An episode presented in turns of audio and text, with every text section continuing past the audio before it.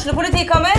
Ine Jansen er purk. Er du purk? The motherfucking bitch. Alt jeg vil, er å finne ut hva som skjedde med mannen min. Jon Carew. Er jeg sikta for noe? Iben Akeli. Det er du. Ole So, Lars Berrum og Big Daddy Karsten. Hvem sin side er du på, egentlig? Anette Hoff, Tone Danielsen, Kommer du fra Afrika? Jørnis Josef, Nesten. Kløfta. Trond Espen Seim, Det er synd å si det, men det var feil mann som døde. Purk.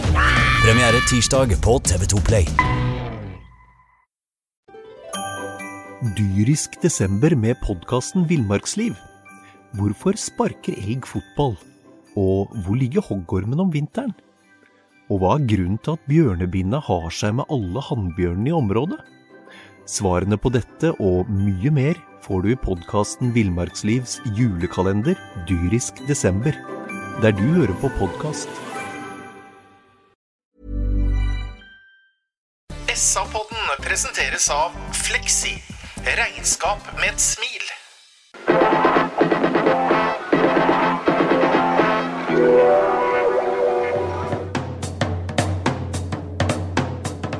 Sarpsborg Arbeiderblad gir deg en ny episode av SA-podden med Sven René Nygård, Øystein Weber, Petter Kalnes og Bjørn Inge Bingen Nilsen.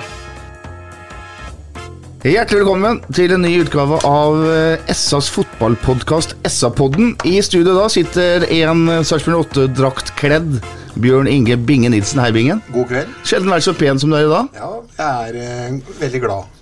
Veldig glad. og pen. Her sitter også Øystein Weiberg. Hei, Øystein. Ja, Hei på deg, Petter. Og jeg er helt uenig i at det er sjelden at Bingen er pen. Jeg syns Bingen er pen hele tida. Han er det. Ja. Han er det.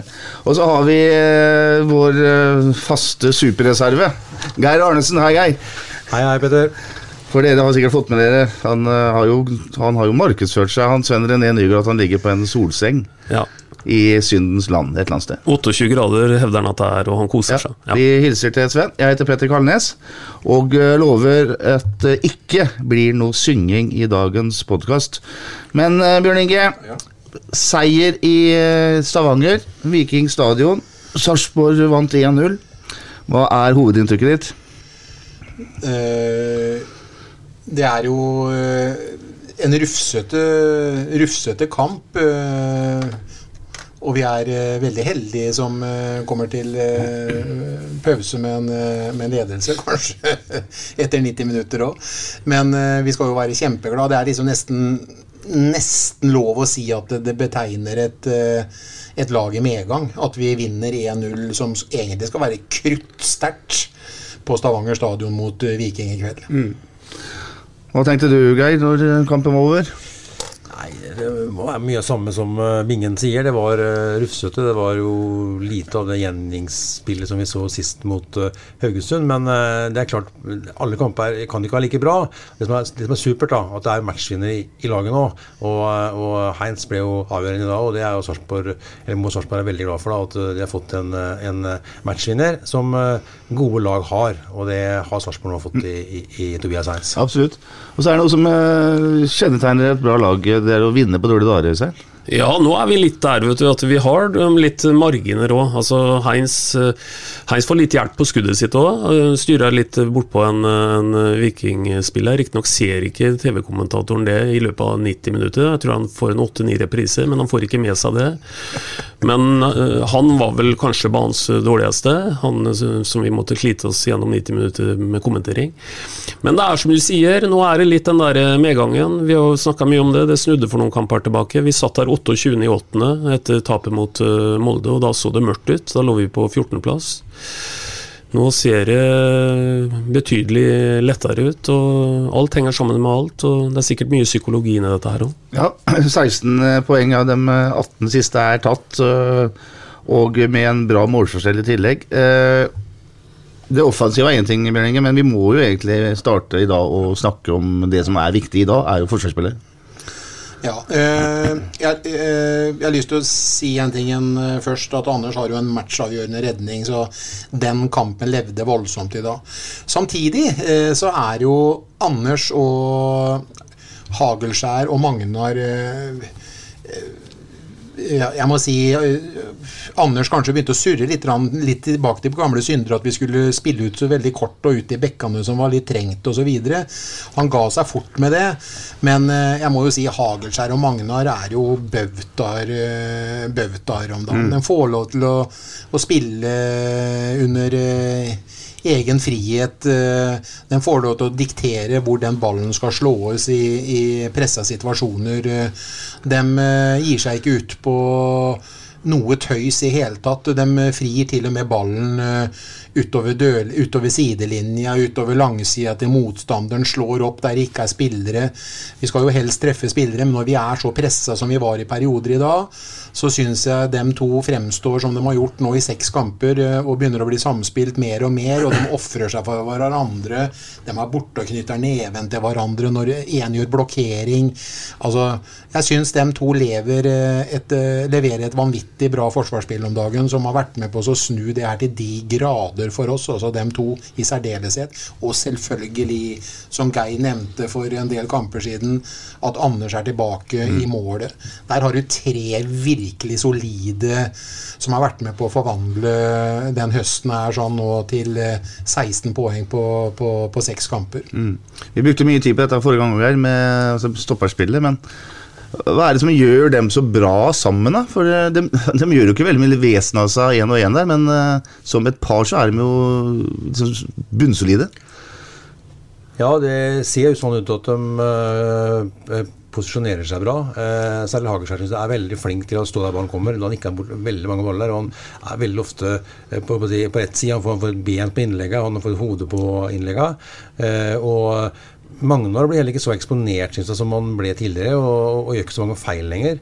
Så det er tydelig at eh, de har veldig god kjemi. Og som Bingen sier, det er liksom litt sånn eh, De, de trives godt i hverandres uh, selskap. Ja, men Geir, jeg kan nesten liksom Det er blikkontakt her. eh, som stopper jeg, Du spilte foran meg. altså det, det er noe som skjer her sånn når du begynner å få den der seiershjulet i gang. Så stoler man så vanvittig på hverandre. To stopper, én går i duell, én trekker. Det ser veldig lett ut, men den kjemien, når den sitter Eh, ja, så er det faktisk eh, den naturligste tingen eh, i verden å spille sånn. Og spille uten å ta de store sjansene. Så eh, du kjenner deg vel igjen, Geir? Ja, ja. ja jo, men altså, altså jeg eh, gjør det, og det er som jeg sier, det, det er sånn det er. Altså, ting faller naturlig på plass. Ja. Men det er, ikke, det er ikke så lett å forklare hvorfor det skjer. Men det er noe med typen å gjøre. Altså, Hagels er venstrebent, tydelig venstrebent, det tror jeg har noe å si. Uh, eh, han har sin, sin, eller, sin styrke mot venstre, mange mot høyre. Og, og, de, og de er der ballen kommer nå, og, og det er ikke noe eh, Det kommer ikke så mye inn bak dem heller. Eh, altså, så, altså, det blir ikke så mange alene med keeper-situasjoner mot som det ble, ble før. Så, så det, det, det Vanskelig å forklare, men eh, det er helt klart at her er god kjemi, og at, at det har vært eh, ekstremt lykka da, å, å, få tak i Hagelskjær. Ja, og så er det som du sier. Hagelskjær går ut og jobber med Soltvedt. Magnar går ut og jobber med Ole Jørgen. Og når en posisjonerer seg defensivt når uh, motstanderen erobrer ballen, så er det en veldig fokus på, på sin midt, dem Mm. to. Mm. Når han uh, Magnar støter, så trekker Hagerskjær, eller Mm. motsatt. Mm. Så det er faktisk så utrolig deilig å se på at det fungerer så godt som det gjør med, med de to guttene. Husk på Hagelskjær, han fikk vel egentlig ti minutter med formasjonstrening den Ja, siste kampen. Vi trodde ikke han skulle spille en nei, etter. Og fikk ti minutter med Mm. formasjonstrening Mm. før han ble Billborn fikk en syk tanke i hodet sitt at der, nå prøver jeg han, og så tok han og gjorde alt på ti minutter og overbeviste Billborn. Og siden det så har han spilt seks kamper, og det har resultert i fem seirer og én uavgjort. Så du, du må bare ta av deg hatten for den prestasjonen hans etter åtte tap. Mm. Og så er det jo sånn at Man kommuniserer med hverandre så mye at man prater sammen, men det er også mye sånn Altså ikke, altså ikke, verbal kommunikasjon. At bare du ser på hverandre, du, du leser hverandre. Og Det er også, det ser ut som de har den kjemien. da, Øystein. Ja da, og det er jo ikke noe tvil om Vi kan jo, vi kan jo hoppe litt til sluttproduktet her. ikke sant? For, for, øh, for to kamper siden så hadde Sarpsborg lukta nesten på to mål i snitt bakover som man har sluppet inn. Alle som øh, har sett litt fotball, skjønner jo at hvis du skal slippe inn to mål i snitt per kamp, så, så vil du slite med å vinne fotballkamp her. Nå har vi altså for andre gang gang på rad nå, da. Eh, knøte igjen eh, bak, og det er helt utrolig viktig. Og, og, det er ikke sikkert det er så veldig enkelt å peke på akkurat eh, hvilke faktorer som, som gjør at det matcher mellom Ødegård og Hagelskjær. men du kan vel ikke peke på 100% hva som gjorde at du matcha med Monica, kona di? Altså det, det, er jo en sånn en, Det er jo en sånn en uidentifiserbar greie, ja, det er, ikke sant? Ja, og Du skjønner ikke det, eller? Jo, det går an å skjønne. Monica er kjekk jente, men det er ikke så enkelt å sette ord på det. Petter. Det, det var, det, var dyp, uh, ja, dyp. Men det som skjer hvert fall videre, er når forsvarskonstellasjonen og keeperen og den sentrale bakifra begynner å fungere sånn som det gjør, så begynner det seg å snike seg inn i et lag som er helt skakkjørt på selvtillit. Mm. Så begynner det å snike seg inn prestasjoner fremover i banen, og han begynner å få tro på det igjen. Og se på Tobias Heins, da, som uh, får hjelp i dag, men han fyrer, og han går inn.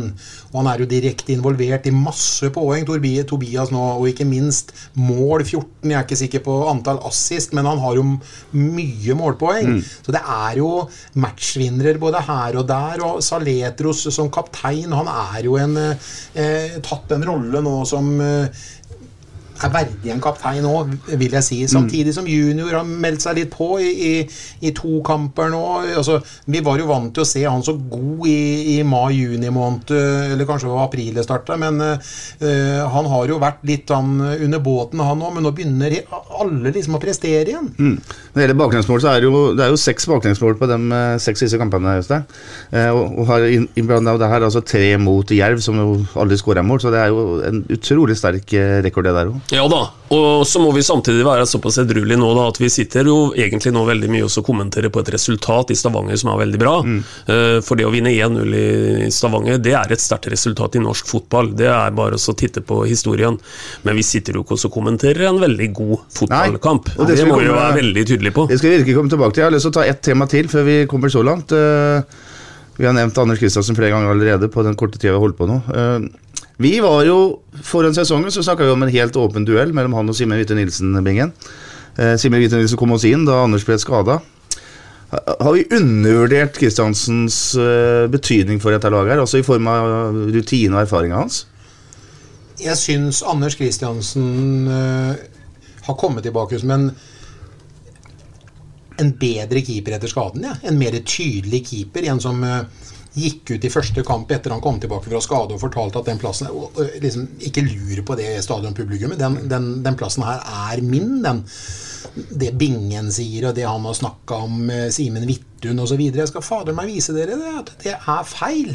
For uh, den plassen skal jeg eie, og jeg skal bidra til at vi skal snu den der, uh, skakkjørte båten og få den på rett kjøl, og vi skal gå ut av sesongen og ha beholdt plassen. Så jeg syns han har vært jeg syns han har vært voksen. Jeg synes han har, han har jo alderen, han har pondusen.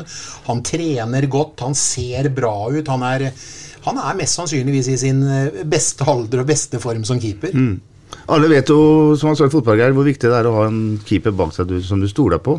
Kan du utdype det der litt? Altså, forskjellen på å ha en eh, keeper du stoler på, er det ikke helt store på. Jeg tenker på, Du har jo spilt foran bingen og vet jo litt hvordan det er å være usikker på en som du ikke stoler på, ja. usikker på hva som sto bak deg. En, en sikker uh, keeper bak seg, ja.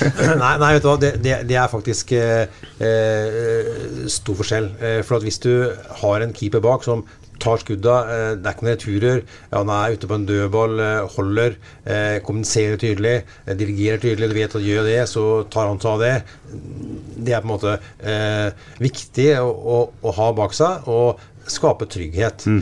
Og dessverre da for uh, Simen eh, uh, Vidje Nilsen, så, så, klarte jo ikke han det når han uh, fikk muligheten. Når Anders Kristiansen var skada. Det, det, er veldig synd på han, eh, det vil jeg si, da, for han fikk muligheten. Og jeg er usikker på hvordan han har det nå, stakkar, for han hadde vel en del dårlige opplevelser. Men dessverre, da, eh, for laget, så skapte nok han også en del utrygghet, vil jeg tro, som eh, sannsynligvis eh, medførte at det ble noe poengtap der som kanskje ikke hadde kommet hvis eh, Anders hadde stått til. Men, men selv om han, uh, Bilbjørn aldri har sagt det direkte ut, rett ut, så har han spiller med annerledes nå, med mindre risiko, det har vi snakka om hundre ganger. Hadde det vært enklere for Simen Witte Nilsen å komme inn i, med den fotballen spiller nå? Det, det er altså der han Anders Kristiansen stadig vekk sparker vekk ballen for å altså ikke, ikke spille ut bakfra? Jo eh,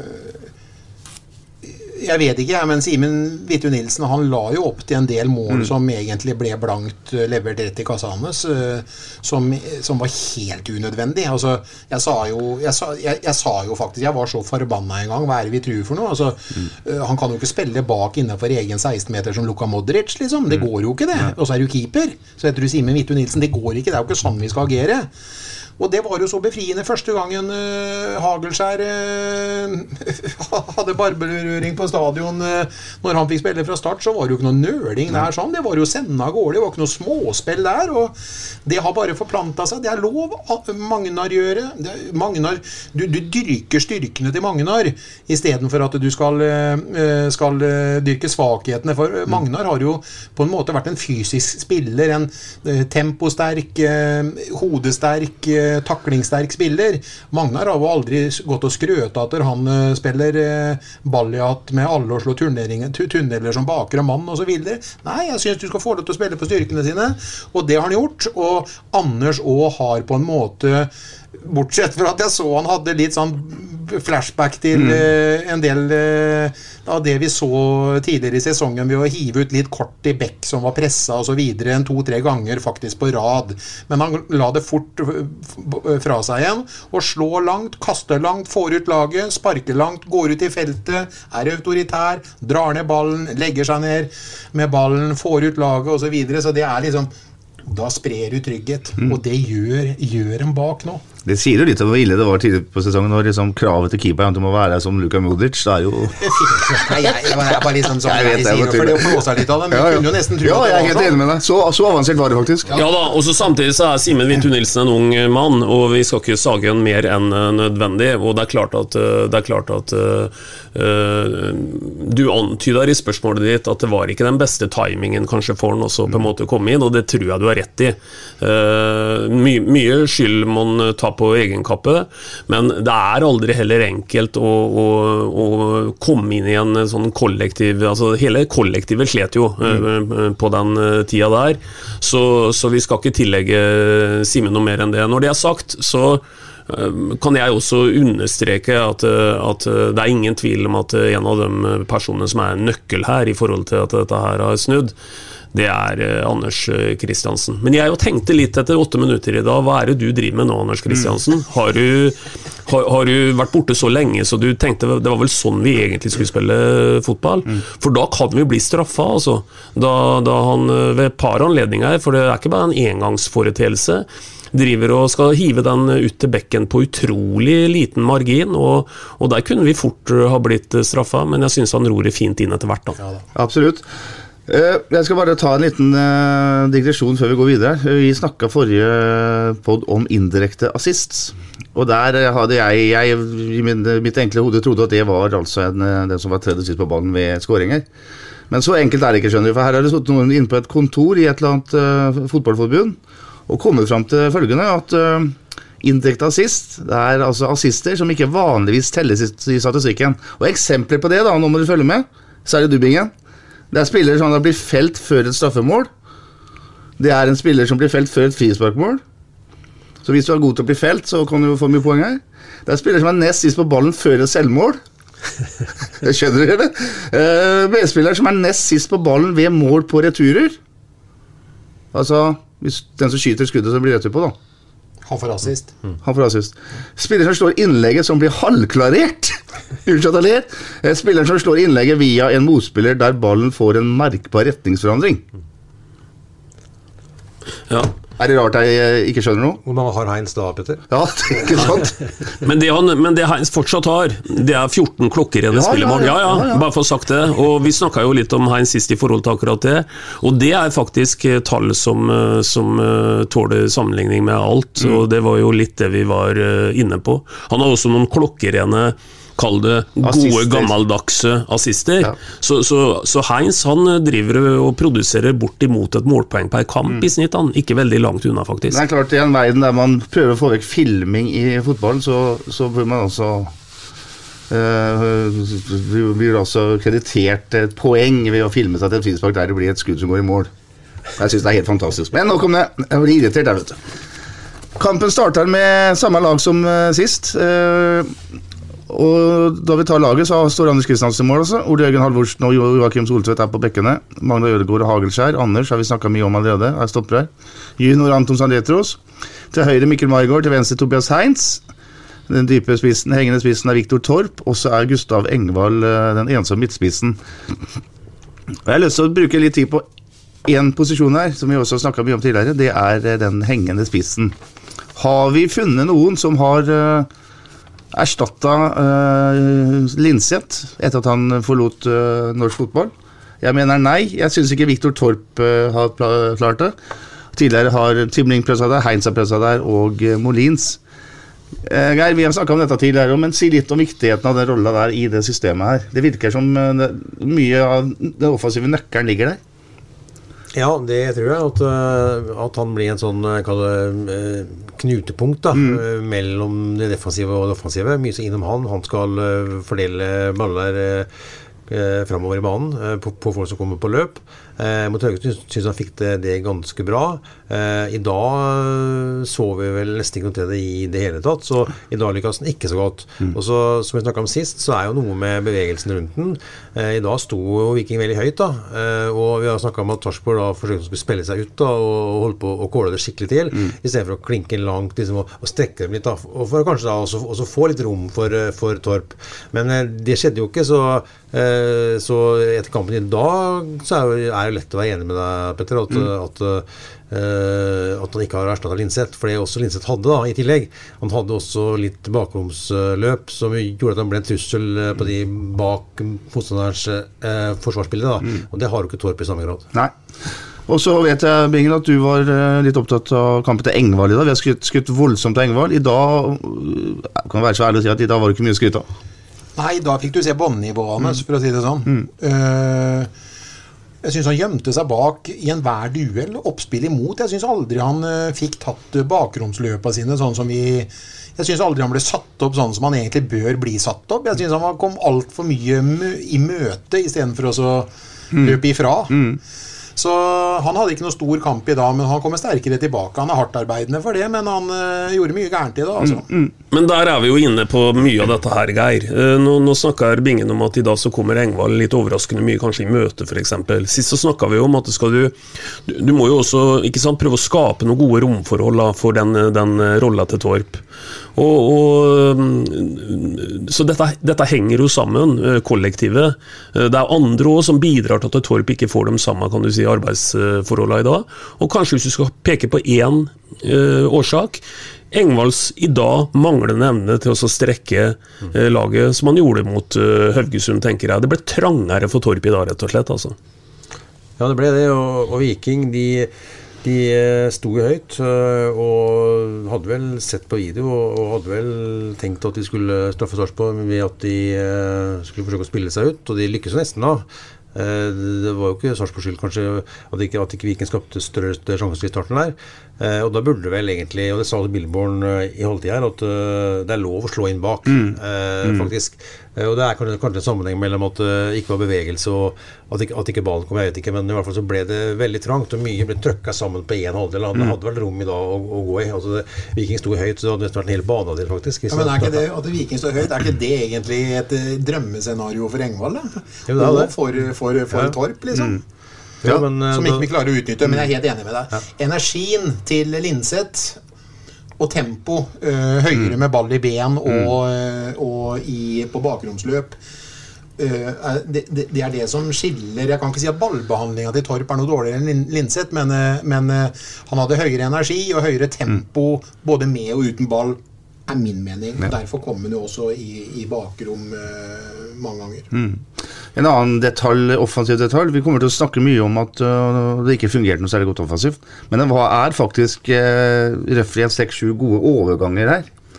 Der jeg syns de rett og slett uh, gjør både feilvalg og, og dårlig utførte valg. Ja, vet du hva, Det noterte jeg meg etter hvert utover i kampen i dag. At det, mange som du sier, potensielt gode overgangsmuligheter tar vi veldig halvhjerta, for å bruke det uttrykket på det. Uh, og litt bevegelse foran eh, ballfører. Satt og bet meg ofte merke i det, at eh, en gjorde det ikke lett heller for ballfører i forhold til å gi noen pasningsalternativer. Eh, Jeg syns det var ganske energiløst i dag på det. og det, I dag hadde det vært mulig tidlig i kampen å sette opp en Heinz alene med keeper igjen, hvis, hvis vi hadde valgt å være distinkte og, og gjort det. Men en gjorde ikke det, og det ble litt mer omstendelig, og det gikk for sakte.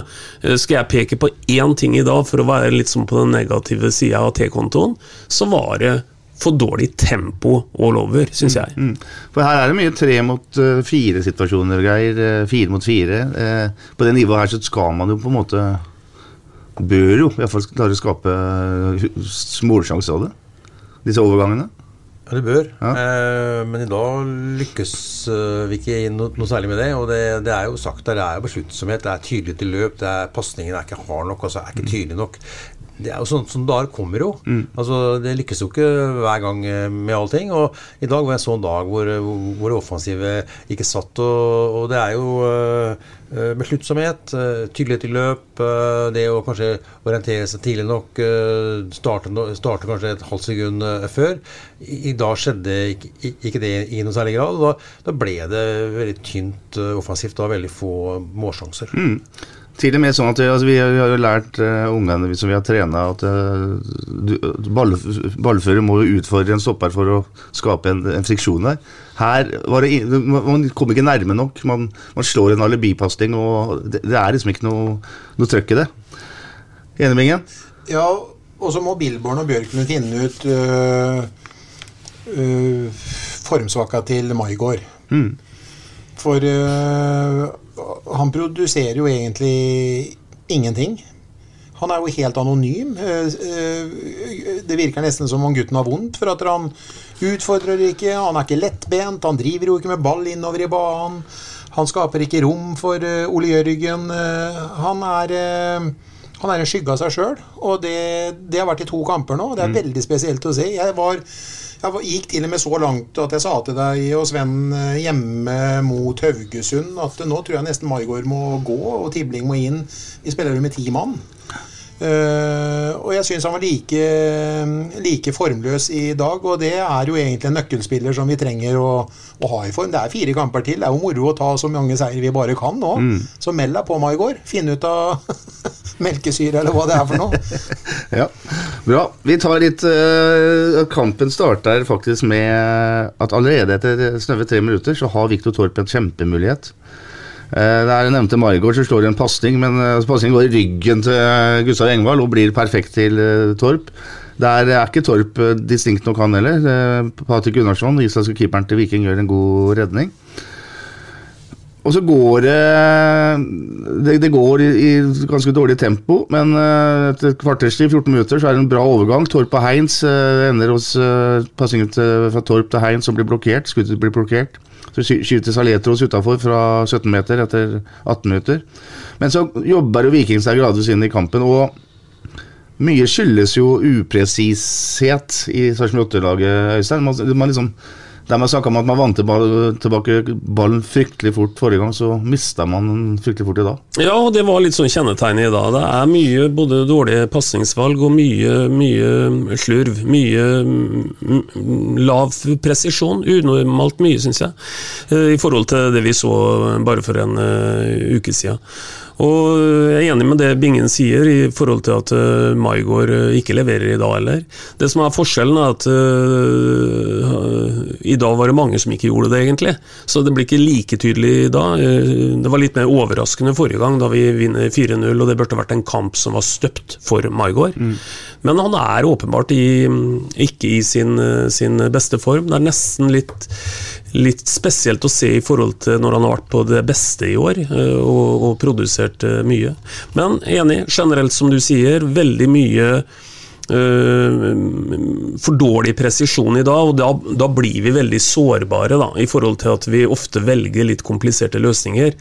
Eh, da, blir, da, blir du, da blir du ganske sårbar hvis ikke, ikke ting sitter. Mm. Du nevnte også gjenredningsfasen Geir, som var ekstremt bra, spesielt før pause mot Haugesund. I og for seg et forsvars, det er jo forsvarsarbeid, men han vinner tilbake ballen. Men det har jo veldig mye å si for eh, det offensive, selvfølgelig.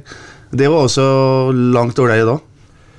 Ja, det var det. Og eh, jeg satt også og tenkte litt på dem- hvorfor er det sånn. Eh, og så spilte jo Viking med, med fem på midten eh, i dag. Og det, det så ut for meg som at eh, kantene til Sarpsborg ble med veldig langt tilbake i banen. Altså. Så det ble, det ble liksom ikke noe Vi fikk ikke samla lag og trøkka til sånn som mot uh, Haugesund sist. Det ble liksom, liksom det ble, det ble, spredd på en måte. Liksom, det var ikke en sånn kollektiv enhet som var nærme hverandre og på en måte vant til annenballen og alt der. Det var, sånn- Viking fikk litt eh, strekk på dem, syns jeg. Og det tror jeg gjorde noe med at, at, at det ble vanskeligere å, å vinne annenballen. Og færre alternativer når vi vant ballen foran ballfører. Mm. Vi skrev til Våle som var junior forrige gang. Jeg spiller jo en ålreit kamp i dag, han men han var ikke så dominant nå som han var mot Haugesund. Nei, Han ble litt sånn en, enslig svale, men han er jo veldig tydelig i hvordan han ønsker at laget skal agere når han Mm. setter press og stikker ut ifra midtbaneleddet og prøver å, å, å gjøre en helhjerta jobb. Men han får liksom ikke med seg det resten av kollektivet. Eh, helt merkelig at vi sitter og prater sånn egentlig etter at vi drar i land en lagseier og vinner 1-0, uh, som er kruttsterkt uh, borte i, i Stavanger. Men eh, jeg har nesten lyst til å si at vi ikke skal finne noen flere feil. Ja. At kan ikke heller hylle at vi har Jo da, jo da, jo da. Det er eh, Vi skal Kan preke bare, kan ikke du bare ta ordtaket ditt igjen? eh, For du snakka om at han ble en ensom svale. Åssen er det ordtaket igjen? En, en ensom svale En som svale gjør ingen sommer. Ja, fikk vi den opp, Petter? Krydrer Ja, på det er, det, det, er, det er stor idrett. Men jeg skjønner vi skal preke en time, skjønner du. Ja, ja, ja, ja. Nå må vi ta noe negativt òg, vet du. Du er så positiv, du, vet Bjørn Inge. Ja, ja, ja. Skal vi snakke om eh, skåringa, da? Det er positivt.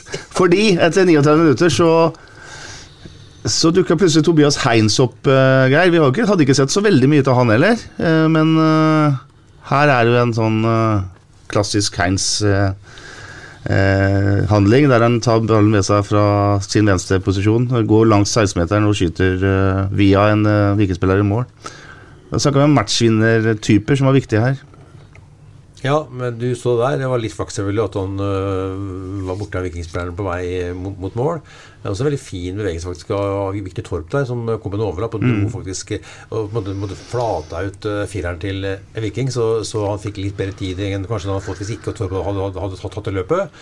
Eh, men eh, når han får eh, det rommet han får, og kommer inn fra venstre der med høyrefoten, så er det jo dødelig effektiv. Da. Mm. det, det jeg vet ikke om det har gått inn uansett, men uh, keeper har i hvert fall helt eller, eller var sjanseløs, i hvert fall når, det var, eller når han kom borti han vikingspilleren. Ja, men jeg sier som Dag Navestad sa bestandig, hvis du ikke gjør det, så er det i hvert fall ikke mulighet. Men hvis du gjør det, så er det veldig stor sjanse. For hvis du får den på mål, så treffer den mellom noen ben, en retningsforandring, et eller annet. Så har du en mulighet, i hvert fall. Mm. Men Hvis, vi ikke, hvis ikke vi fyrer, så blir det aldri. Det er det som er så befriende med Tobias. Han gjør det jo. Han gjør det selv om han eh, sikkert ikke føler at han er veldig med i kampen. Nei.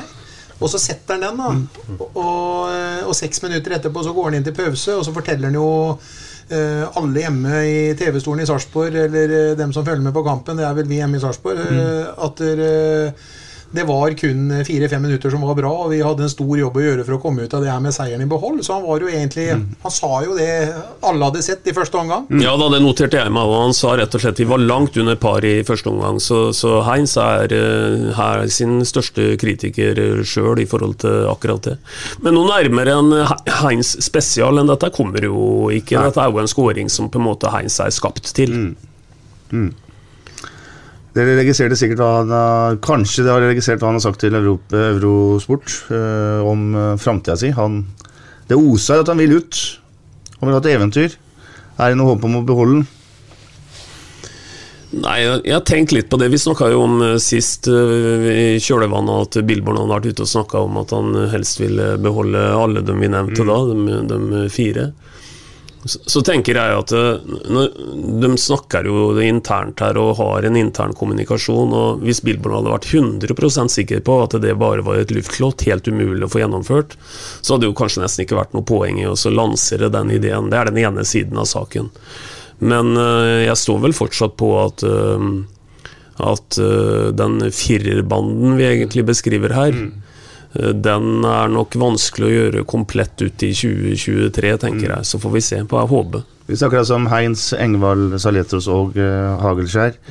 Eh, Du leste også hva Tobias, Thomas Berntsen svarte på spørsmålet om det var mulig å beholde dem, og da sier vel Berntsen at eh, det er ikke så veldig Thomas på- Berntsen sa jo at det er soleklare store muligheter på at vi skal beholde alle fire, og vi legger alle klutene inn nå på at det skal gå, og skal bli julepresserangen på julaften 24. at pressemeldinga går da. Tidligere så snakka sportssjefen i Sarpsborg sånn, men de gjør ikke det lenger. eh, Vigge. Ja, men i helsike, kan vi ikke bare bygge det opp, da? altså. så, så, så, så, så, så, så, så står Berntsen og daglig leder og Hans Petter Arnesen og gir oss den julegaven eh, på, på nett eh, til, eh, til julaften. Det har vært helt fantastisk. Ja, det det. Mens ribba står i ovnen, liksom. Ja. ja. Og dem har kledd på seg nisseutstyret. Ja, det er jo helt fantastisk, altså.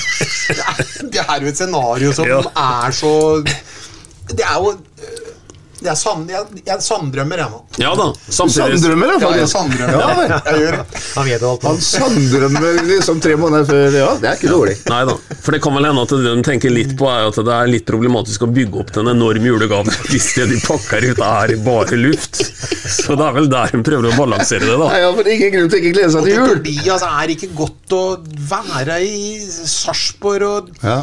Være god og bli satt pris på og skåre mål og få målpoeng. Helsike, kan du ikke dra ut når du er eh, 5-26? Kan du ikke være med på et lite eventyr nå sammen med Hagelskjær? Og Saletro sier ja hvis du sier ja, og det samme gjør Engvald hvis Hagelskjær sier ja, osv. Så, videre, så er hele firebanden signert. Eh, Det her blir litt av en jul. Ja, TV-pengene, plasseringspenger, tabellplassering Ja. Alle overføringer som kommer nå, det er bare Det er helt fantastisk Ja, det er hvordan det går kommer til å bli. Det her er Ja. sånn. Det er Helt seriøst, Øystein. eh, Helt seriøst så syns jeg Bingen leverer nå. Han er eh, Men det, vi har jo snakka mye om det på bakrommet, Petter. At eh, du vet at det som egentlig er, hvis vi har én hake med Bingen, det er jo at han, han er bare positiv, ikke sant?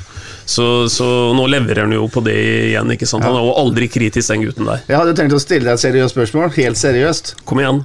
For jeg, jeg fikk jo ikke noen særlig respons hos han Nilsen her på akkurat det, men Jo, eh, jo. Ja. Kjør på, Øystein. Jeg tenker på Betyr Altså, nå, nå har de hatt seks, eh, seks matcher uten tap her. Går den eh, rekka helt inn? Hvor viktig Kan dette ha, noen betydning for disse fire vi snakker om?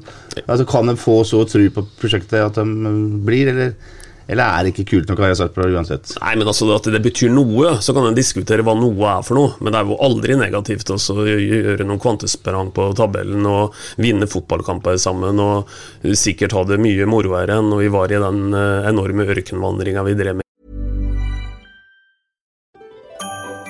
Dyrisk desember med podkasten Villmarksliv. Hvorfor sparker elg fotball? Og hvor ligger hoggormen om vinteren? Og hva er grunnen til at bjørnebinna har seg med alle hannbjørnene i området? Svarene på dette og mye mer får du i podkasten Villmarkslivs julekalender Dyrisk desember, der du hører på podkast. Hele sommeren her. Så, så litt betyr det jo, men, men til syvende og sist er det jo eh, økonomi, eh, mange sånne kjedelige ting som, eh, som spiller inn. Men det hadde jo vært fantastisk det hvis vi hadde greid å beholde alle fire. Ja. Bodø-Glimt har vel funnet ut at det er økonomi å være på topp. Du så jo det hva de gjorde i sommervinduet, eller i augustvinduet. Det kosta vel litt, det går jeg ut ifra? Ja.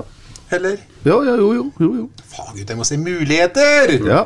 Ja, vi ser muligheter og gleder oss til jul. Etter eh, pause så tar Viking kommandoen fra start av. Eh, men eh, til 50 minutter så er det en eh, stor sjanse faktisk til spørsmål 8, der Ole Jørgen Halvorsen slår et innlegg på bakre stolpe. Junior header utafor. Eh, der gjør eh, også Gustav Engvald en kjempejobb i forkant for å før Ole Jørgen får ballen. Men ellers Geir, så er det veldig mye Viking. Hva er det som ikke funker? Uten at du skal være negativ, da, for da blir- kommer Bingen og deg. Nei, det, det er jo ikke lett å si det, men eh, jeg tipper at eh, Viking, som jeg var inne på i stad, de, de, de har sett uh, Sarpsborg 08, og de hadde mye folk på midten, og det, så for meg som at eh, Sarpsborg eh, presser jo litt over på midten sånn uh, i dag, og da fikk jo Viking styrespillet ut på kantene, og, og, og der var det ofte rom da, på, på yttersiden av, av, av, av Sarpsborgs uh, trio på midten der. Uh, det tror jeg, tror jeg er en årsak. Eh, at de ikke eh, får komprimert laget. eh, kommer ikke tett nok opp i ballfører. Det blir, blir, for store avstander, og det klarer Viking å utnytte foran liksom, eh, bake fireren da, til, til 08, som da står godt imot. Altså det, altså, eh, eh, de forsvarer seg godt med hensikt til å ikke slippe inn mål. Du kan forsvare deg godt eh, med tanke på å starte gode angrep, sånn som uh, sist gang. I dag klarte de ikke det så lenge, da, men de forsvarte seg godt øh, ved det at de holdt nullen. Og det skal de jo ha. Altså, det var aldri noe oppgitthet. Det var liksom gikk på igjen og gikk på igjen, men de bomma litt. og, og og sånn er jo bare. Noen ganger så er det sånn. eh, Du har eh, et spill, og, og, og, og de forsøker, og så, og, og så går det ikke helt 100. Og Derfor er det så ekstremt deilig. vet du. Og så vinner vi vinne. 1-0. Ja, ja, ja. Det er jo den deiligste seieren. det der. Ja, ja, ja. Tenk så glad de er i dag, Ja, da. ja, ja, ja. Du er glad, du òg? Ja. Ja da. Det er ikke noe tvil om det. Med oss det her. her. Ja, absolutt. Eh, han uh, mister Torp, han får bare 59 minutter. Simon Tibling kommer inn. Uh, så du noen forbedring der, Bingen, når Tibling kom inn på? Kanskje Tibling har litt mer løpskraft, hurtigere på kortere flater osv. Men jeg syns allikevel at eh, Torp har mer oversikt eh, Mm. og kan være litt mer Og er mer giftig i Det er jo derfor han spiller fra start òg, for at Billborn mener det. At han er på en måte bedre for laget enn det Tibling er per dags dato. Mm. Etter 66 minutter så gjør Viking fire bytter, bytterøyseren i en uh, seriekamp. Det betyr at eh, Lunde Årsheim og kompani i, eh, i Stavanger-lagets ledelse er ikke spesielt fornøyde, dem heller. Noen har lært oss at det heter kvadruppelbytte. Ja, det lærte vi også i Ja, stad. ja. Og det er klart at eh, noe klarere signal om at du ikke er fornøyd, det er jo nesten ikke mulig å sende. Så, men, men Viking, altså eh, vi må være så ærlige og, og så si det òg, at uh, vi, vi har ikke møtt formelag nummer én i Norge i dag, på en måte. Altså, vi, vi kunne blitt hardere straffa mot mange andre motstandere. Du kan huske på det at Viking vet du, de gikk i 16. eller 17. mai-tog som serieleder. Og etter det så er de eh, faktisk Har du laga en formtabell, så er de Du kan diskutere om de er nest sist eller sist. De er antagelig nest sist på den, det er Jerv bak dem. Kanskje det er forandra i dag, da, i og med at eh, Jerv vant borte mot Sandefjord. Så Viking har, eh, har jo falt som en sten. Og, og det er også noe av grunnen til at en sitter jo tidlig Altså Jeg har vært et par ganger på øh, Stavanger stadion, som vi kaller det, og tenkt at skal vi vinne her, så er det et mirakel på, på omtrent linje med Lasarus' oppstandelse øh, for 2000 år siden. Men det følte jeg ikke i dag. Jeg følte at dette var et lag det var absolutt mulig å være på, på høyde med. Så øh, ja. Men eh, jeg er jo enig med det guttene sier. Vi sitter og pirker borti mye og er kritiske Ja, ja. til mye. Men, men eh, resultatet står der for eh, historiebøkene, og der står det 0-1. Og det er et uh, fantastisk resultat. Mm. Jeg synes liksom Energien i Vikinglaget òg her er uh, helt, helt annet og mye dårligere enn det var tidligere på sesongen. der Uh, Vi vet at Berisha er borte, som er jo en energispiller, men det skal ikke være så Han skal ikke ha så mye å si. Nei, men det, er- Eller? Nei, men eh, det er jo rart, for at eh, vi, vi kjenner det best til eh, Sarpsborg 08. Har Mm. tapt mange, mange på rad, men Viking har tapt mange på rad, dem òg. Det er ikke mange kampene de har, de har vunnet nå. De vant jo cupen mot KBK nå i uka. Men så er det mange på rad i serien med lite poeng, altså. Ja, de har tapt syv av de ti siste seriekampene, bare for å starte der. Ja, altså, så det, er, det er klart at Og vi snakker om sjøltillit og besluttsomhet og alt det der som vi ser på stadion. Og det er klart at det, det skjer jo det samme i Stavanger eh, hos Viking. Så det er ikke noe lag med noen super sjøltillit som bare går og angrep og er besluttsom og klinker inn. Liksom. Det, det er jo ikke det heller. Men, eh, men det, er- det er jo samme det. Eh, Tre poeng betyr akkurat like mye. Ja, ikke sant? Og så ser vi et lag i en og et lag i motgang i da isolerte kampen over Bingen. For den kampen her hadde jo aldri Viking vunnet, men Sarpsborg 8 vinner selv om noen, vi mener de ikke spiller noen stor kamp. da. Ja, og, og som Geir sier, vi forsvarer oss jo helt fantastisk. Altså, eh, eh, Soltvedt med huet, og det er eh, oppofrelser eh, hele veien. Så vi ville ha de tre poengene så voldsomt med hjem. Og eh, når det er hard jobbing i bånn eh, defensivt, så klarer vi å ri den 1-0-skåringen til Tobias i det 39. minutt helt inn. og den sitter godt på fly hjem i kveld. Altså. Det er helt fantastisk. Og ny treningsuke nå innenfor Tromsø-kampen i flomlys til søndagen. og det er i våre hender, det. Nå var det i våre hender om vi kunne ta og gå forbi Viking i dag, og det gjorde vi. Og det er i våre hender om vi skal gå forbi Tromsø hjemme til, eh, til eh, søndagen. Eh, Det er i våre hender, så vi klatrer på tabellen, og det begynner å bli en tydelig poengfangst. Nå har vi 35 med 4 igjen. Det er jo ikke usannsynlig at vi, vi runder 40 poeng i år. Nei, bra det. Og nå er det ikke noen teorier som gjør at det her blir noe kval og sånn? Nei, teorien den ville i så fall vært like tynn som at det blir sånn charterturisme til mars i løpet av 2025 eller noe sånt. Det er 25 mål og 12 poeng og fire på fire kamper. ja. Da, da er det ikke noe å bruke noe mer, noe mer tid på det. Nei, da skal det uflaks i hvert fall. Da skal du ha uflaks. 74 minutter så får Heinz og Engvald hvile. Innkommer Gisje Molins og eh, Stephanie Skålevik. Eh, hva syns vi om Molins? Er det noe å si om det? Jeg satt egentlig og håpa på at vi kunne fått eh, sett Fardal i dag igjen. Ja. Eh, For nå, jeg hadde jo glemt at vi hadde en i stallen som heter Fardal, mm. til han dere børsta litt støv av han og skrev et stykke om ham for en ukes tid siden, hvor han nå faktisk eh, har meldt seg skadefri. Og, og han har jo også utgående eh, kontrakt. For uh, Molins uh, har jo Ja. Det er på en måte litt sånn eh, vi, vi Det vet er, om fini, det er finito, det. Hvis ja, og da tenkte jeg at da kunne vi like gjerne nå tenkt et alternativ, da. Og da kunne vi kunne jo heve inn på f.eks. en Fardal. da. Men mm. sånn ble det ikke, uten at det, det betyr eh, så veldig mye, sikkert. da. Og i hvert fall ikke med sluttresultatet i boks her. Ikke sant? Eh, 77 minutter så har Tibling en sjanse, en volley, husker du den? Innlegg fra nevnte Molin, som han ikke helt får eh, treff på. Han er så god teknisk, så der eh, var, vi litt, var jeg, for litt skuffa at ikke han uh, fikk gjort noe mer ut av den. Så kommer uh, klareringa, eller uh, blokkeringa til Solseth med pannebrasken-bingen. han setter huet på nå. Bra gjort. Og så kommer det to bytter til, for da må både bekkene, begge bekkene, Solseth og Halvorsen, ut. Uh, Utvik og Eirik Vikne kommer inn. Var hyggelig å se Utvik med hjelmen igjen.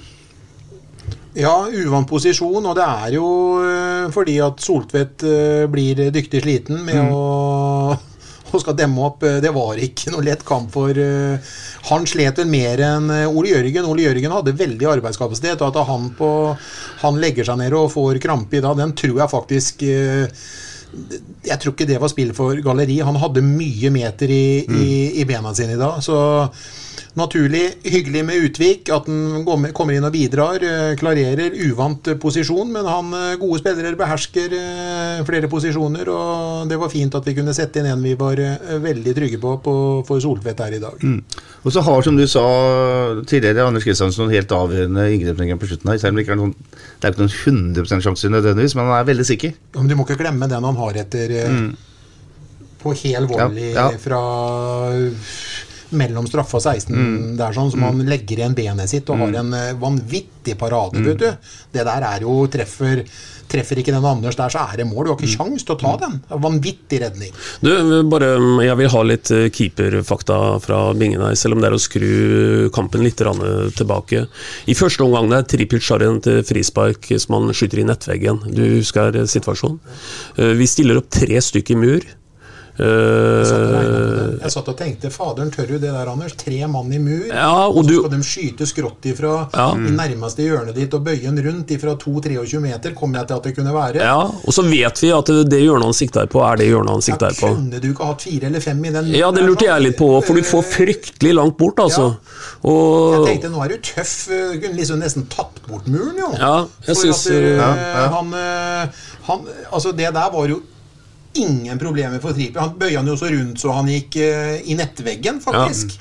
Så han var jo innom mål den innafor stolpen før han gled utafor. Så det var egentlig Ja, svaret til det er at det da ville du gjør hatt minst en kall til i mur. Det kommer Anders til å gjøre neste gang. Ja. Det er jo ikke noe hvem som helst heller. Han Tripic han har jo skåra der fra før. han Nei, Og så er jo ikke Bingen noe hvem som helst. Nei, og derfor så har jeg tenkt å spørre men mulig han har glemt Kan ikke du gi en kort innføring i, i, i liksom, logikken rundt å sette opp den muren der? Hva tenker keeperen på da?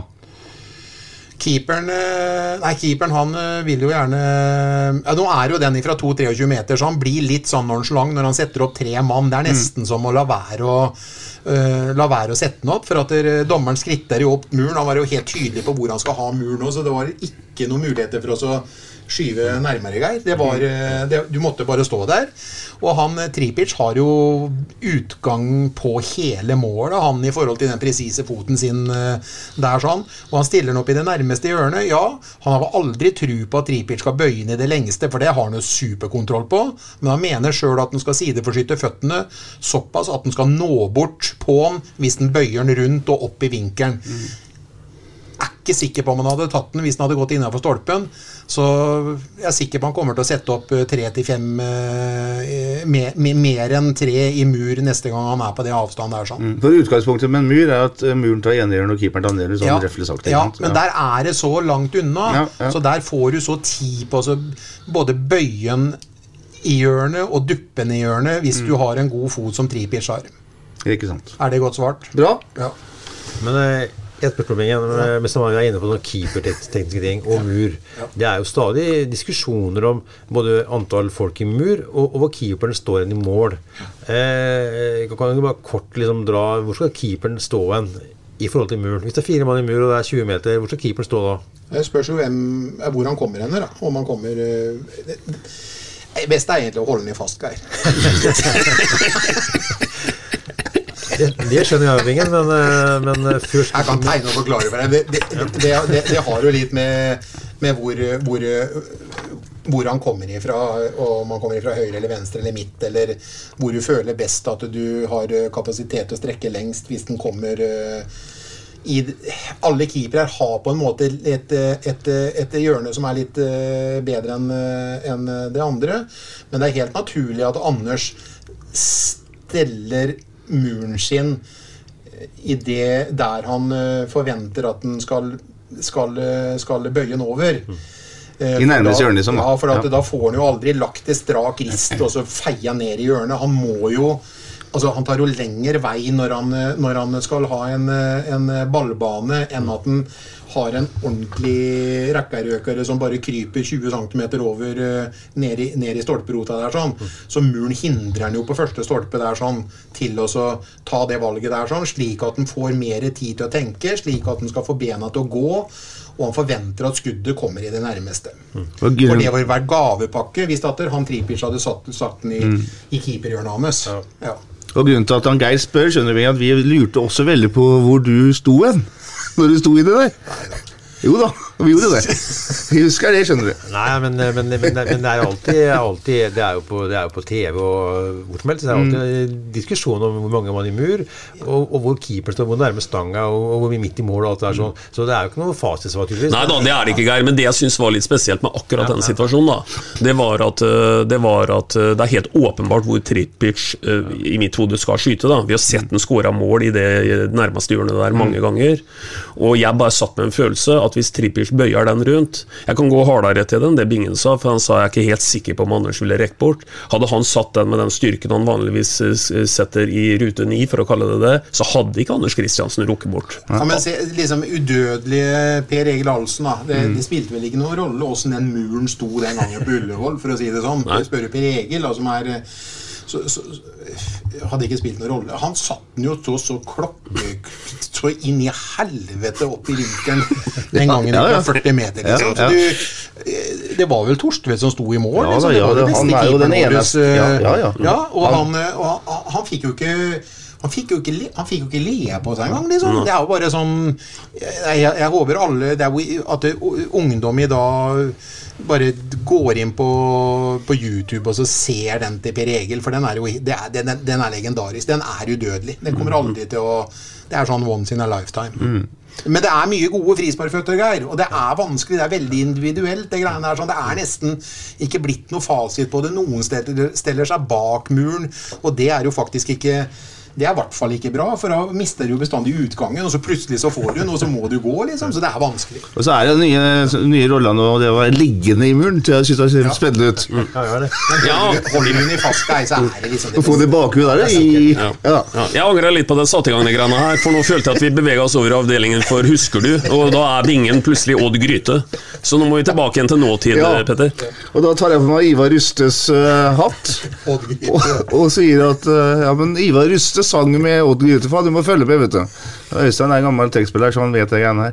Kampen ender faktisk med seier, og det er eh, deilig seier der. Når man blir pressa og klarer å stå imot. Og det gjør jo det at uh, Sarpsborg er på syvendeplass på tabellen, uh, Øystein, og har, som Bingen sa, alt i sine egne hender hvis man vil ha den sjetteplassen som er litt uh, kul, da. Ja, det er klokkerent, det, for dem møter vi og sånn. Så en sånn en uh, one-liner i dag kan være at vi trenger ikke hjelp fra noen for å bli topp seks i Norge i 2022. Sånn har Stoa blitt Mm. etter uh, 16.10.2022. Ja, og den kampen står jo allerede til eh, søndag. Da kommer altså Tromsø til Sarpsborg stadion. Deretter er det Vålerenga på Intility. Det er Kristiansund på stadion, og så er det på Lerkendal mot Rosenborg i den siste serierunda. Og da er denne sesongen uh, over. Poddens overtid. Vi har en eh, liten eh, overskrift på overtida, da, Øystein, og det er eh, kan vi kalle det den store forvandlingen. Sarpsborg 08s eh, forvandling fra å være et eh, lag i eh, fritt fall til å være høstens eh, ja, ett av høstens aller største formlag, i hvert fall.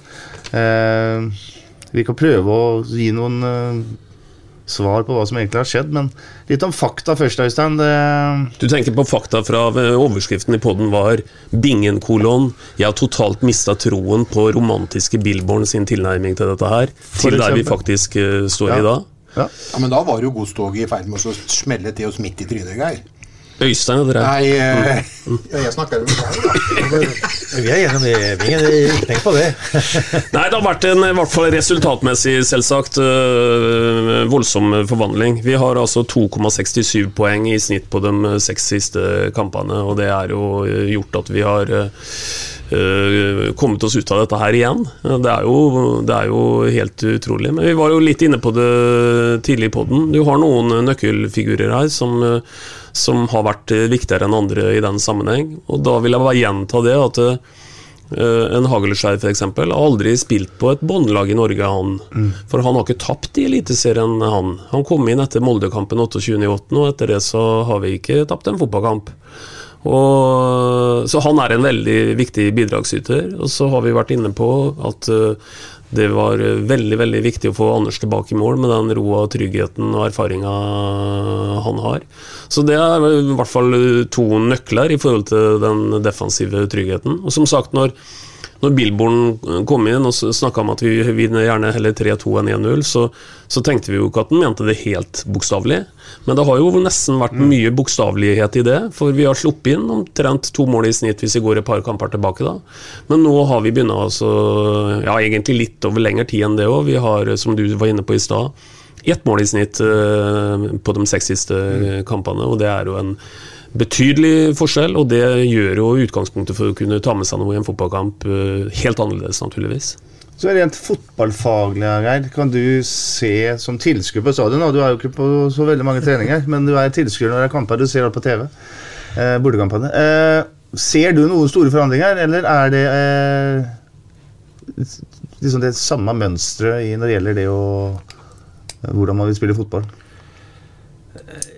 Jeg tror at øh, grunnleggende ligger der. Men øh, det er ingen tvil om at, øh, at det blir slått med langt, og at risikoen på egen halvdel med ball er blitt mindre. Eh, det tror jeg har, har hatt mye å si. Eh, så jeg jo Jeg sender melding til han Bergerud, han er noen analysemann. Og så spurte han meg hva som har skjedd. Og så får jeg et svar av han da. Og det, det han skriver, er at Eh, vi har blitt eh, definitivt eh, bedre på gjenvinninger. eh, eh, spesielt eh, på siste tredjedelen. Eh, og I tillegg så sier han at treffprosenten eh, på avslutningen vår har økt med over 20% altså han treffer også noen 20% mer på mål enn utenfor. Ja. og så sier han vel at eh, ja, de vinner også mer ball da midt på banen, altså midt og eh, offensivt. Så har de eh, vunnet ballen mer og treffer da mer på mål, da. Det er, vel, det er vel det han sier. Han sier at eh, de har blitt 2% bedre i duellspillet vårt. Altså, hva nå 2 er, det, det kan jeg ikke si, men altså, det er noen sånne objektive ting da, som analysene til eh, 08 sier. At de har blitt bedre på i den perioden hvor de tapte mange kamper. Og så er det vanskelig å si hvorfor liksom, lykkes de, da. Eh, om det har noe med spillestil å gjøre, om det er noe med noen noe formasjonsendringer Det vet jeg ikke, men altså, de, de har på en måte fått ut noe, noe mer, da. Ikke sant? Spillestilen eh, 4-2-3-en, eller eh, det er en formasjon, da. Eh, den er jo veldig moderne nå. Mange lag internasjonalt og bruker den. Det at du har to sentraler på midtbanen f.eks., er jo en, eh, en trygghet for at du kan slippe opp eh, bekkene og sånn. Ser du en progresjon i eh, 08-spill? Altså at det blir stadig bedre, stadig tydeligere, at det får til oftere det de eh, ønsker å få til? Jeg syns øh, det er vanskelig, for jeg, min, oppfatning, da, øh, basert på det, det du ser på TV og du sitter på tribunen, er at det, det varierer veldig. Mm. Altså, øh, når det lykkes, så er det fantastisk. Eh, men så går det ordentlig bom noen ganger, da, og da er det forferdelig. Så, øh, men når, når da, i og med at poengene kommer, så har de da øh, lykkes mer nå da, enn enn de har mislykkes. Eh, Så, sånn ja, så kan du si at, at, at de har lykkes mer. Og så tror jeg det har litt med motstand å gjøre. De tapte mye, så de møtte mange gode lag. Eh, Nå nå er nivået på det, de, de møter, Mm. i- i- litt dårligere. Så jeg, jeg tror, på konseptet. Men, eh, men om, men som sagt, det går veldig bra når det går bra, og så går det ordentlig bom da, når når det går bom. Så jeg er usikker liksom, på hva, hva er liksom egentlig de snakker om. Men, men tallet her er jo er sånn at de, de vinner noe mer ballen nå. De treffer mål oftere. Og det er jo eh, viktige ting eh, å ta med seg. Jo, men det er liksom et resultat uansett det han ikke skriver noe. Han skriver jo ikke noe om trygghet, f.eks. Det, er liksom det, det, det ene tar det andre, vet du, Geir. Og det er vi enige om. Ja, men det her er liksom objektive tall. Det er litt sånn objektive Ja, men eh, tallene sier ikke noe om hva trygghet, nei, nei. eh, trygghet bakifra eh, sprer, sprer seg om Mm. Hvordan det sprer seg til resten av laget. Det kan du ikke måle i tall. Nei. Men du, Bingen, du var ikke, du var ikke der at du skulle eh, sparke Billborn, men du var kritisk periode, du. Eh, Det, det var før du fikk de lykkepillene som du har hatt her i dag. Men hva kan vi si om lederskapet, eh, når man da har snudd en eh, sesong der det var åtte matcher på rad uten eh, poeng, og snur dem til altså noe som er, i ferd med å bli veldig, veldig bra. Hva sier det om lederskapet til Billborn og Bjørklund? Ja, Det så jo helt uh, sjakkmatt ut uh, når vi holdt på å tape. Det, det er jo ikke noe tvil om. Da virka det ikke som vi hadde noen grep. Om det var uh, hvem sine grep det var, og det har vi jo snakka om eh, Hvem sine grep det var når vi snudde det på overtid mot HamKam, det vet jeg heller ikke. Men det er klart at når laget kommer på skinner igjen, så er det jo Åh, det er jo ikke noe tvil om at det er mye morsommere å være Billborn når vi, når vi vinner enn når vi taper åtte på rad.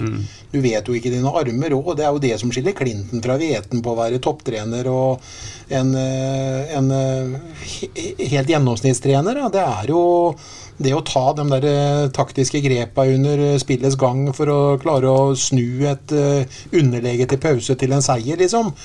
Og når du ikke klarer å gjøre det i én kamp, eller to kamper, eller tre kamper, eller fire kamper, eller fem, og til slutt åtte kamper, er klart at det sliter på, på hans selvtillit og på han og Bjørklunds selvtillit. Det var ikke lett å backe, backe hverandre, selv om de, de gjorde det helt sikkert. Men å ha tro på at de gjorde det, det var ikke så, så, så veldig lett, vil jeg tro. Så det å gjøre det i medgang, det er jo moro. Og jeg eh, var jo i hvert fall helt klar på at romantiske Billboard nå, det, det måtte vi bort ifra hvis vi skulle vinne kamper. Vi måtte tilbake til scratch og være trygge bakfra, og så måtte vi spille til null bak, og så fikk vi heller eh, ta med oss den poenga vi kunne ved å skåre ett eller to, og verne om de måla vi klarte å skåre eh, offensivt. Så det begynte jo mot HamKam, og så ga den, som vi sa etter den kampen mot HamKam, den ga jo en dobbel effekt, den, i form av selvtillit inn mot uh, landslagspause, tror jeg det var. Vi fikk jobbe i 14 dager i fred, og så bare har jo forvandlinga kommet helt fantastisk. Og jeg tenker, Petter, vi hadde en pod der hvor vi litt sånn eh, latterliggjorde begrepet 'å ikke vike en tomme'. Eh, det, det, var en, det var en trener uh, 17 km herfra som sa det. Han har ikke jobb eh, lenger. Det er noe med at det er ikke noe skam å vike en tomme. Det er ganske arrogant å ikke vike en tomme i enhver eh, situasjon, faktisk. Og Derfor så har jeg egentlig lyst til å gi kred til lederskapet som du er inne på her på spørsmålet ditt. For her har en åpenbart Du bør ikke bruke begrepet 'veken tomme', men her har en åpenbart gjort justeringer. Og det har vært justeringer som har vært med på at vi nå sitter i en helt annen situasjon og er ikke lenger en eh, promille redd for at dette skal kunne gå gærent i 2022. Og en, en av hovedårsakene til det er at en har, en har justert seg litt. Kan du si litt om det der, Geir? Eh, som trener i et lag som da er i motgang, da. Og så snakker vi om å justere eller vike noen tommere, men er det lett å begynne å bli eh, usikker på sin egen filosofi, sin egen eh, mening å spille fotball på? Tanker rundt hvordan man skal spille fotball? Er det lett å liksom bli eh, Høre på andre, gjøre endringer, og at man går litt vekk fra sitt eget konsept? Det er vanskelig å si hvordan de, disse folka som holder på med det på heltid, tenker. Vet du, for at de, de, lever av det og er vant til å leve i blåsten. Eh, men det er klart at øh, det er et press der. Eh, fordi at øh, uansett konsept, som jeg oppfatter at Billborn var veldig tydelig på at han kom med et konsept, og det han tror på, eh, om ikke det lykkes, så er det klart at øh, han ser jo det også, han, at øh, det blir null poeng, null poeng, null poeng. Eh, Mm. og han vet også det, han like godt, at, at det, det er kun poengene som betyr noe, ikke spillestil eller hva det måtte være. Så, så eh, Men nå har han stått eh, last og brast. Har nok eh, justert litt eh, med risiko. Fått inn, eh, inn Hagelskjær, fått inn Engvald, få- fått inn noen brikker som har gjort at, eh, at eh, det har snudd. Så er det selvfølgelig helt klart at eh, HamKam hadde tre eller to mann alene med keeper på, på, på 1-0 til HamKam eh, på stadion og missa, og så snudde vi og vant 2-1. Vi snakker om noen, der, noen, noen sesongdefinerende, eller hva det er for noe, så, Mm. så måtte det vært et øyeblikk som antagelig var eh, som er ekstremt viktig i, i eh, at den snuoperasjonen kom, da, for det, det med sjøltillit og trygghet og Ja, det. helt. Og den er like tydelig for meg nesten som, eh, som Det har jeg tenkt på mange ganger etterpå. Den er nesten like tydelig for meg eh, som da vi slo Fredrikstad. Mm. Det er en sånn, en sånn du ikke glemmer. For det, det var så spesielt. Det var akkurat som flomlysa ble tent, og så var det en sånn Guds hånd som, eh, som eh, bare kikka litt ned på oss på Sarpsborg stadion den kvelden der sånn. Ja da, det er eh, Gud var blå-hvit den kvelden der, Reze.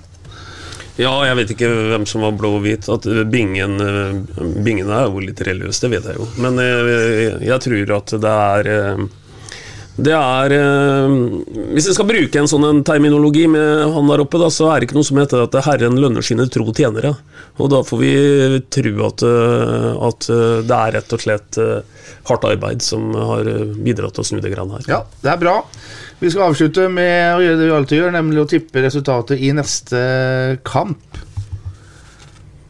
Hva sier du nå? Hadde ikke jeg 1-0 til Viking, jeg? 1-0 til Viking, ja? Nei, til Sarpsborg eh, mot Viking i dag. Hadde du det? Ja. Du og jeg hadde 3-1, vi. Du har ikke truffet på noe, du, Bingen. Jeg sa jo at jeg hadde ringt til deg, og så det var tull, og at vi tippa 3-1, så det gikk ikke bra. Geir mente det skulle bli uavgjort, og du mente ettmålseier. 2-0 tippa Ja, så da var du nærmest. Ja. Men Tromsø på hjemmebane, Øystein, åssen går det? Vi er så i dytten nå, så vi, vi tar den bare på, bare på farta. Og så sa jeg denne kampen er 2-0. Jeg sier 2-0 igjen. Og så sa jeg også at Engvald skårer i en av dem to. Så jeg tar kopierer tipset. 2-0, og Engvald skårer ett av dem. Ja. Arnesen, da? Eh, jeg tror, tror, tror det blir eh, hjemmeseier, eh, og jeg tror Sarpsborg vinner her 3-2 med spennende kamp. 3-2. Bingen. Jeg tror eh, det er sjakkmatt igjen som på Jeg tippa jo at vi skulle lede 3-0 mot Haugesund og vinne 4-0. Og 3-0 til pause altså, og 4-0. Og jeg gjør det samme igjen. 3-0 til pause, og vi vinner 4-0. Ja, og jeg har snakka med min venn Sven René Nygaard, som sitter i en bar og har faktisk blå paraply nede i den der drinken sin nede på Kanarøyene der. Så glad er han Sven. Og Sven sier at vi vinner med tre mål. Han vet ikke helt om det blir 3-0 eller 4-1, men vi sier at det blir 3-0. Og så skårer Engvald ett mål. Så er det vel bare å gå inn i treningsuka nå med vanvittig stemning i troppen og holde hverandre skadefrie og hold gleden og spillehumøret opp og bare invitere byen og publikum og alle til stadion til søndagen og la oss bare heie dere fram til en fantastisk avslutning på sesongen. Ja, Godt sagt, for det her er viktig for Sarpsborg by. Øystein. Ja, veldig viktig. Og støtter Bingen 100% i det. Nå må vi møte opp, og som vi har sagt tusen ganger før, det er ikke noe selvfølge at vi skal drive med eliteseriefotball her i byen, så vi må bare være veldig glad for det, altså. Mm. Og så har vi lært nå i løpet av 1 time og 7 minutter at vi skal glede oss til jul, og at vi skal glede oss til kommende søndag, for da kommer Tromsø til uh, stadion. Inntil det så prekes vi vel. Det gjør vi. God kveld. Vi Prekes. SA-podden presenteres av Fleksi. Regnskap med et smil. Dyrisk desember med podkasten Villmarksliv. Hvorfor sparker elg fotball? Og hvor ligger hoggormen om vinteren? Og hva er grunnen til at bjørnebinna har seg med alle hannbjørnene i området? Svarene på dette og mye mer får du i podkasten Villmarkslivs julekalender Dyrisk desember, der du hører på podkast. Ukens annonsør er HelloFresh. HelloFresh er verdens ledende matkasseleverandør og kan være redningen i en travel hverdag. Mange av oss har nok vandret i butikken både sultne og uten en plan for middagen, som ender med at vi går for de samme kjedelige rettene gang på gang. Middag burde være dagens høydepunkt. Som HelloFresh kan du nå velge mellom 25 ulike retter hver eneste uke, eller få HelloFresh til å sette sammen menyen for deg. Dette gir deg muligheten til å prøve nye og spennende retter alene eller sammen med familien. Du velger antall porsjoner og får alt levert på døren på et tidspunkt som passer for deg. Oppskriftene er enkle, og maten er lett å lage både for store og for små. Ved å få alt levert hjem får du også mer tid til å dele matgleden med familie og venner. Kanskje det frister med asiatiske tacos eller greskinspirert kylling? Da kan jeg anbefale deg om å gå inn på hellofresh.no. Her kan du bruke koden FOTBALL og få opptil 1779 kroner i rabatt på de første fem matkastene hvis du ikke har prøvd HelloFresh tidligere. Du kan også bruke rabatten hvis du har vært kunde og stoppet abonnementet ditt for tolv måneder siden eller lengre. Gå inn på hellofresh.no og bruk koden FOTBALL. Har du et enkeltpersonforetak eller en liten bedrift? Da er du sikkert lei av å høre meg snakke om hvor enkelt det er med kvitteringer og bilag i fiken, så vi eh, gir oss her, vi. Fordi vi liker enkelt.